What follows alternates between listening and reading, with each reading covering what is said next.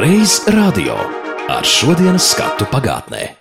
Slāpes pēc dieva vārda un tā skaidrošanas atmodas laiku pirmsākumā cilvēkiem bija lielas, un tāpēc kristīgās vēsts raidījumi iemantoja zaļo gaismu Latvijas radio ēterā un arī pamatīgu klausītāju uzmanību.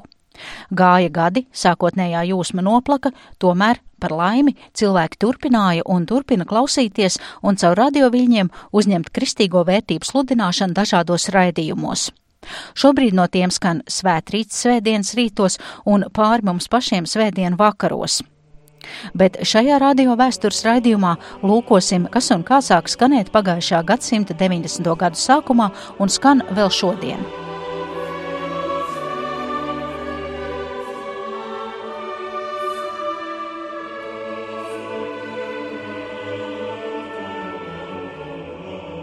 Skatot mūsu radio pirmsākumus pagājušajā gadsimta 30. gados un tā laika programmas Latvijas Vilnis un Halo Latvija, lasām, ka ik svētdienas rītu ir skanējusi garīgā mūzika. Un pēc tam pulksten 11. ir bijis pieslēgums kādai no luterāņu vai katoļu baznīcām. Interesanti, ka radioprogrammā ir dots arī sprediķu temats, piemēram, par krustu, Kristus mūsu karalis vai katoļu prese. Pirmais, ko atskaņoja radio darba dienu rītos, un te ir jāpiebilst, ka tolaik tas neraidīja 24 stundas diennaktī, bija korāļi pirms pulksten septiņiem. Un tā 1933. gada 14. februāra programmā lasām: Korālis tuvāk dievam kļūt, iedziedājis Māris Svētra. Padomju laikā, protams, nevarēja būt ne runas par atklātu un oficiālu dieva vārdu sludināšanu. Bet, kā stāsta mana kolēģe no Radio Klasika un raidījumu svētrīts un pāri mums pašiem redaktore Inta Zēgnere, tad tai laikā svētdienu rītos tomēr ir skanējis slēpts vēstījums ticīgiem ļaudīm. Un tamdēļ aizvien vairāk un vairāk cauri visiem šiem cenzūras groziem spraucās garīgie dīksti. Un tie spraucās visdažādākajos raidījumos, bet šķiet visvairāk tomēr mūzikā un bieži bez teksta, bet ar zemtekstu. Toreiz, vēl pirms atmodas sākuma, mūzikas redakcijai Svētdienas rītos bija izdevies ieplānot raidījumu tūkstošu mēlēm ērģeles spēlē. Un zemteksts bija gluži jaušams, lai cilvēks svētdienas rītā kaut mazliet varētu justies kā baznīcā. To zemtekstu kaut kā neviens neatšifrēja, un šis raidījums, šis koncerts skanēja, skanēja Baha mūzika, skanēja ērģeles, skanēja šī atmosfēra, kurā varēja iejusties klausītājs un mazliet uzkavēties kā dievnamā.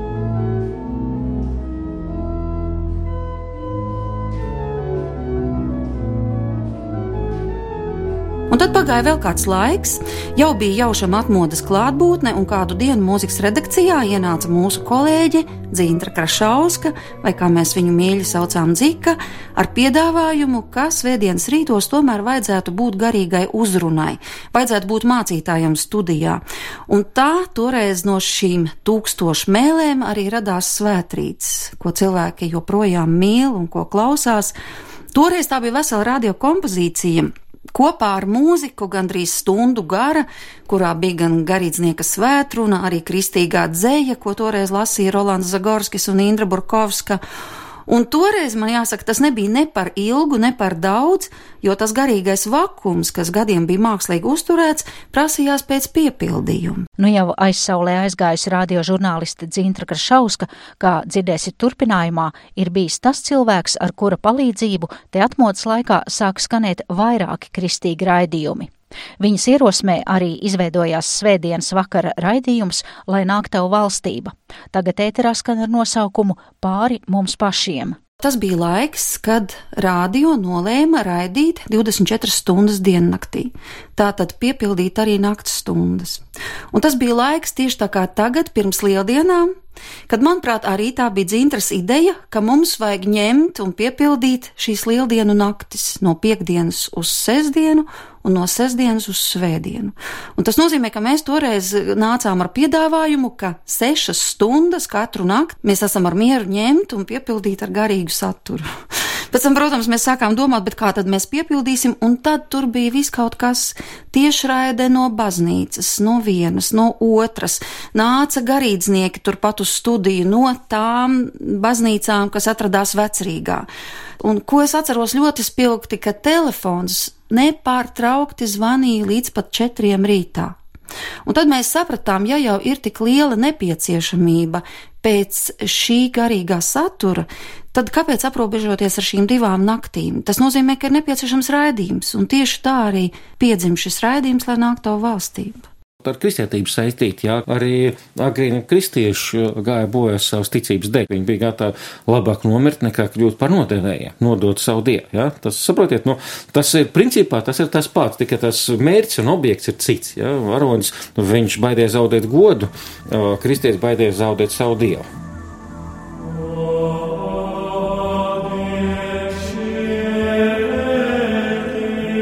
Tas bija fragments no raidījuma Lai nāk tavu valstību, kad pirms pāris gadiem vēsturnieks Harijs Tumans tajā stāstīja par varonību. Reiz radio. 1987. gadā Liepājā sāk darboties pirmā atjaunotā svētdienas skola, ko tolaik vadīja mācītājs Juris Rūbēnis. Un pēc pāris gadiem tālāk šo svētdienas skolu kustību visā Latvijā izvērs viņa toreizējā skolniece Vera Volgemūte Rozīte, agrākā kristīgās ģimnāzijas izveidotāja un direktore. Nu jau vairākus gadus viņas mājas ir Vācijā Eslingenā, kur Vera Rozīte palīdz darbā savam dzīvesbiedram, Latvijas evaņģēliski luteriskās baznīcas ārpus Latvijas, arhibīskapam Elmāram Rozītim. Man palaimējās uzrunāt Veru Rozīti nesen, kad viņa kārtējo reizi ciemojās Latvijā. Atceramies 1991. gadu, kad eterā sāk skanēt radio svētdienas skola. Tajā laikā, kad es Liepājā sāku strādāt svētdienas skolām, ar bērniem. Tur Zintra Krašauska toreiz bija tā entuziasta radio mājā, kas iesāka dažādas raidījumus, viens no tiem bija raidījums Zirgstele, kur mani aicināja stāstīt par to, kā es iesāku darbu ar bērniem Liepājā, kur mēs runājām par garīgām vērtībām, Un tas bija pats pats pirmais raidījums, kur vispār izskanēja tāda informācija, ka bērniem var mācīt kristīgo mācību. Un mums radās kopīga ideja, tā ideja mums dzima kopā ar Dzintru Krašausku, ka jāveidoja viens raidījums par svētdienas skolām. Un tā mēs izveidojām šo raidījumu ciklu ar nosaukumu Svētdienas skolas, kas skanēja ēterā katru svētdienu un pirmdienā atkārtojumā. Kāds bija tas raidījums iesākumā, vai tad jau bija tā, kā tas bija nesenā pagātnē, tad, kad vēl skanēja Latvijas rādio, šī rādio svētdienas skola, ka bija viens skolotājs un, un nāca bērni, vai toreiz jau ar tā tas bija? Nē, tajā laikā tāda skolotāja vēl nemaz nebija. Un šos raidījumus es veidoju pati. Tā bija milzīga atbildība, jo es jau nebiju studējusi teoloģiju, es biju skolotāja, bet es tiešām lūdzot Dievu, piedzīvoju tādu īpašu sajūtu, ka bija kaut kāds spēks, kas darbojās kopā ar mani, jo, piemēram, man bija raidījuma cikls par dievu baušļiem.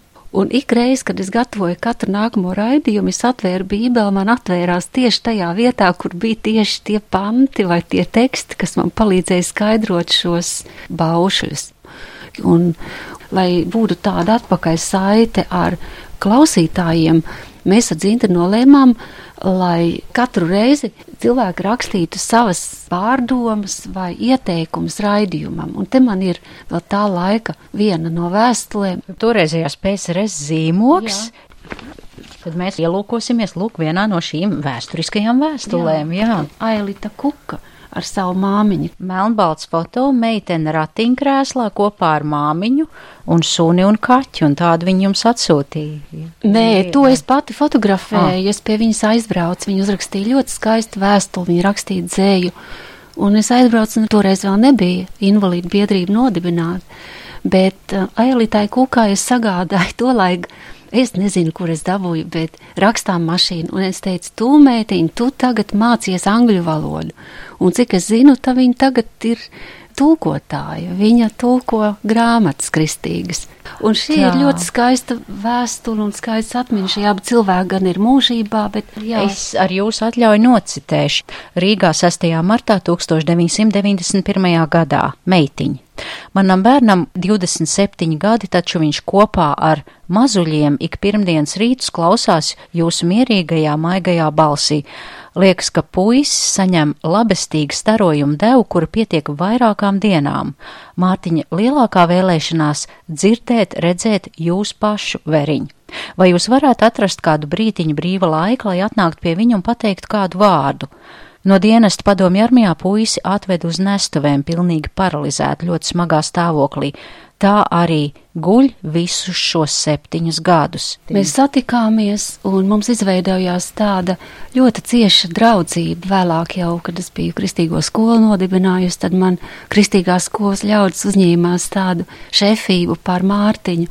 Mēs palīdzējām viņam ar mūsu skolas busiņu braukt vasarās uz tūju, uz laukiem, un palīdzējām arī materiāli, kā vien mēs sapratām un mācējām. Un, nu, tas ir viens no piemēriem, kā tā kristīgā mīlestība tiešām reāli darbojās. Caur radio Caur viļņiem. radio, jā.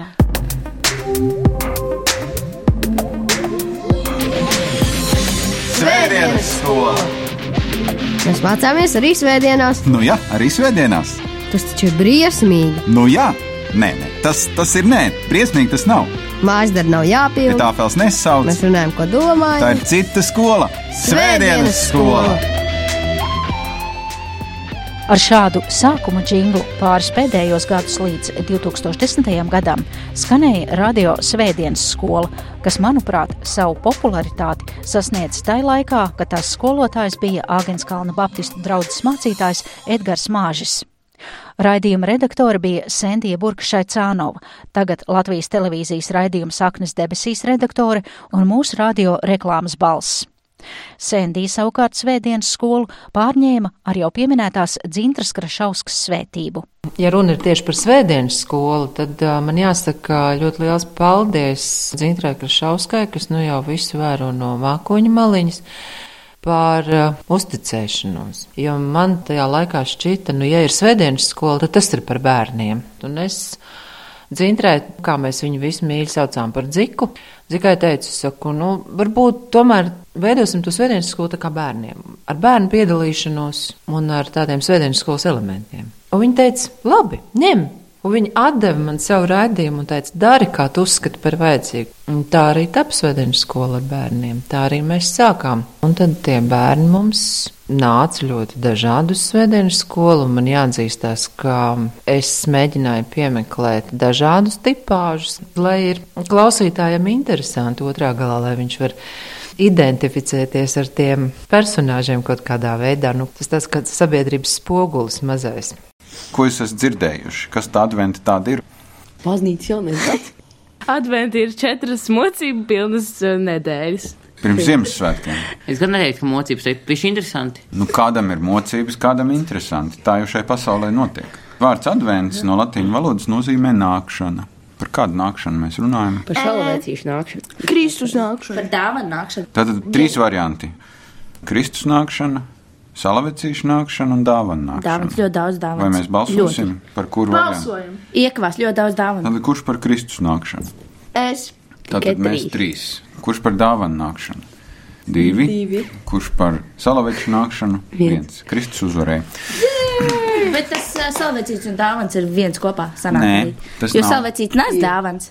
Nu, tad ir trīs, trīs. Bet Kristus jau tiešām neizslēdz ne Ziemassvētku vecīšu nākšanu, ne dāvanas. Tas jau viss kopā ir. Gadu gaitā Svētdienas skolas ierakstos pabija ap 20 bērnu. Kā skolotāji darbojās Jānis Bitāns, Guntis Dišlers, Dita un Aldis Pavloviči, Ruta Dzalbe un jau pieminētais Edgars Māžis. Kā saka Sendija, raidījuma cilvēki mainījās, bet ideja palika nemainīga - meklēt saistību starp redzamo, materiālo un neredzamo garīgo pasauli. Tā bija mūsu versija par dzīvi, dievu, labo un netik labo mums līdzās. Un te ir arī jāpiebilst, ka nebūtu ne visi bērni nāca no kristīgas vides.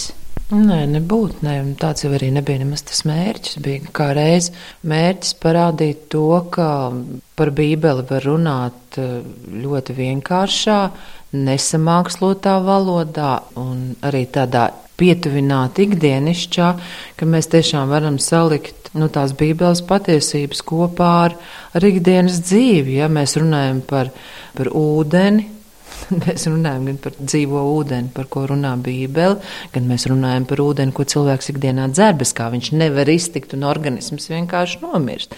Nu, tiešām runājot tādā saprotamā valodā, tas bija tas mērķis. Bet vai tad kalpošana ir tiešām tikai tāds piespiedu vārds? Es domāju, ka kalpošana nav piespiedu, jo arī tā kā agrākos laikos, teiksim, nu, bija kalpi. Tie nav vergi, viņi var strādāt pa kalpu, viņi var strādāt arī kādu citu darbu. Kaut gan cilvēki nebija tik liela izvēle, cik es zinu. Un, protams, tagad mūsdienās mēs varam kalpot dievam, tas nemaz nav piespiedu. Visilgāk no svētdienas skolas audzēkņiem šajā raidījumā piedalījās Augusts Kolms.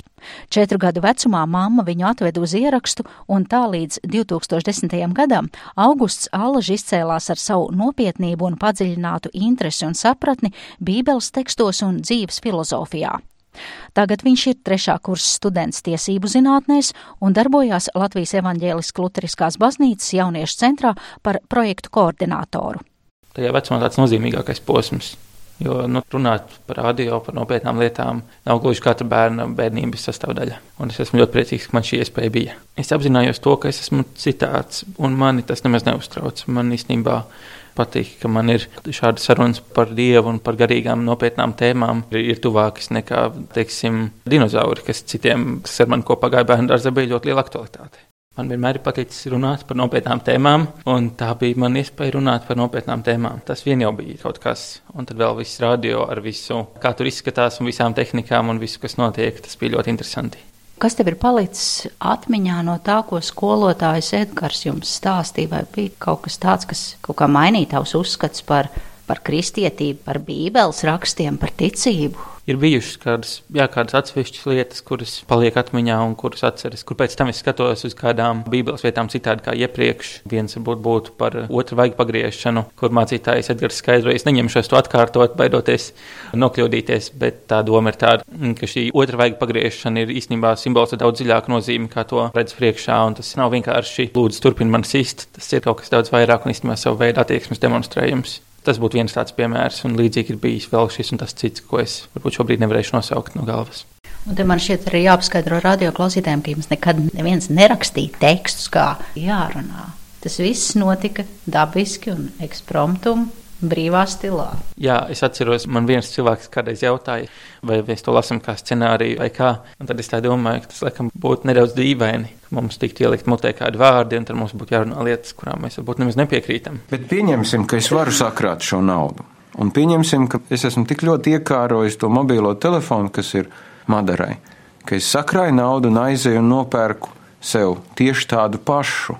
Bet jautājums ir, vai man šajā brīdī ir vajadzīgs cits mobilais telefons, vai man nepietiek ar to, kas man jau ir? Es domāju, ka nopirkt identisku tādu pašu, protams, ka nav nekas slikts, bet vai tiešām tas ir vajadzīgs, un tas ir jāpadomā. Arī tādēļ vienam šķiesties ar naudu arī nav vajadzīgs. Tas būtu muļķīgi. Vai tev pēc tam kādi cilvēki ir teikuši komentārus, kuri klausījās šo raidījumu? Klases biedri mazāk, bet uh, es pieņemu, kaut kad viņi ir par to runājuši vai kā, bet tā nekad, tas nekad nav bijis tāds. Bet no pieaugušajiem, un tīpaši jau arī no gados vecākiem cilvēkiem, es esmu dzirdējis arī diezgan daudz atzinības savu laiku par to, ko es runāju un par to, kā es runāju. Reiz radio. Turpinot skatīt, kādi vēl kristīgie raidījumi ir skanējuši Latvijas radio, ir jāmin vārds un mūzika, kurš arī manā dzīvē ir nospēlējis izšķirošu lomu, un te atļaušos īsu un personisku savas ētera esības priekšvēsturi. Proti, tas ir vēl viens no Sandijas Burkšai Cānaus ilgus gadus vadītiem raidījumiem, kuru viņa man uzticēja veidot tai laikā, kad Sandija gaidīja un auklēja savu meitu. Par savu ienākšanu radiomājā es saku paldies Sendijai, bet tagad viņas stāsts par minēto raidījumu. Tas viss sākās ar to, ka bija raidījums jauniešiem ritms, kura galvenais kūrētājs bija Arnis Blodons. Tad bija tāda, nu, teiksim, entuziasta grupiņa ar Tālivaldu Tālbergu priekšgalā, kas tajā laikā spēlēja grupā vārds, un tagad viņš ir Kristīgā radio prezidents un vadītājs, un viņa dzīves biedra Ingrīda. Un tad vēl arī Gatis Līdums, kas šobrīd ir televīzijas raidījuma Saknes debesīs vadītājs, un arī gan psihoterapeits, gan kā teologs darbojas. Un tad nu, visiem šiem cilvēkiem kopā radās tāda doma, ka vajadzētu mēģināt kaut ko stāstīt jauniešiem par tā saucamo kristīgo mūziku, kas tajā laikā nāca iekšā no ārzemēm, pārsvarā angļu valodā, un tur bija daudz dažādu jauku un skaistu dziesmu, kuras nu, mums tā kā nebija pazīstamas. Un tā tas viss sākās. Raidījums vārds un mūzika piedzima kā raidījumā ritms kristīgais pielikums.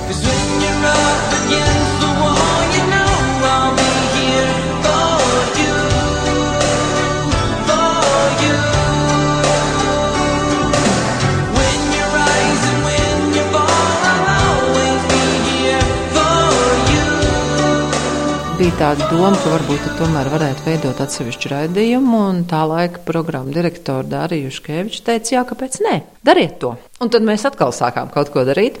Un tā raidījums vārds un mūzika nodzīvoja ēterā desmit gadus, un būtībā no tāda raidījuma jauniešiem jau pārtapa par tādu kristīgu raidījumu, kas meklē tādus sabiedrības un kristīgās baznīcas saskarsmes punktus, un tas jau vairs nebija tikai jauniešiem. Būtībā, nu, varbūt jāsaka tā, es biju pat pietiekami izaugus no jauniešu auditorijas un vecuma, ka varbūt man jau bija interesantāk darīt kaut ko citu. Interesanti būtu uzzināt, kāda tolaik bija dieva atpūtas diena.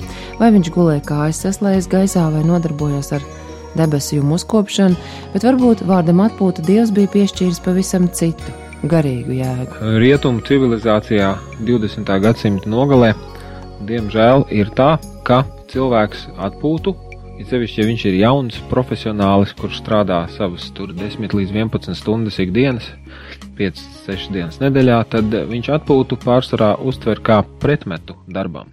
Ar šo citātu no 2000. gada raidījuma vārds un mūzika arī izskan šis raidījums, kurā par kristīgās vēsts paušanu radioēterā stāstīja Sendija Burkašaicānova, Augusts Kolms, Vera Rozīte un Inta Zēgnere.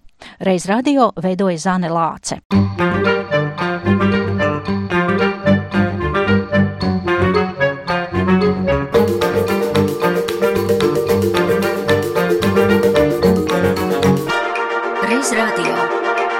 Reiz radio ar šodienas skatu pagātnē.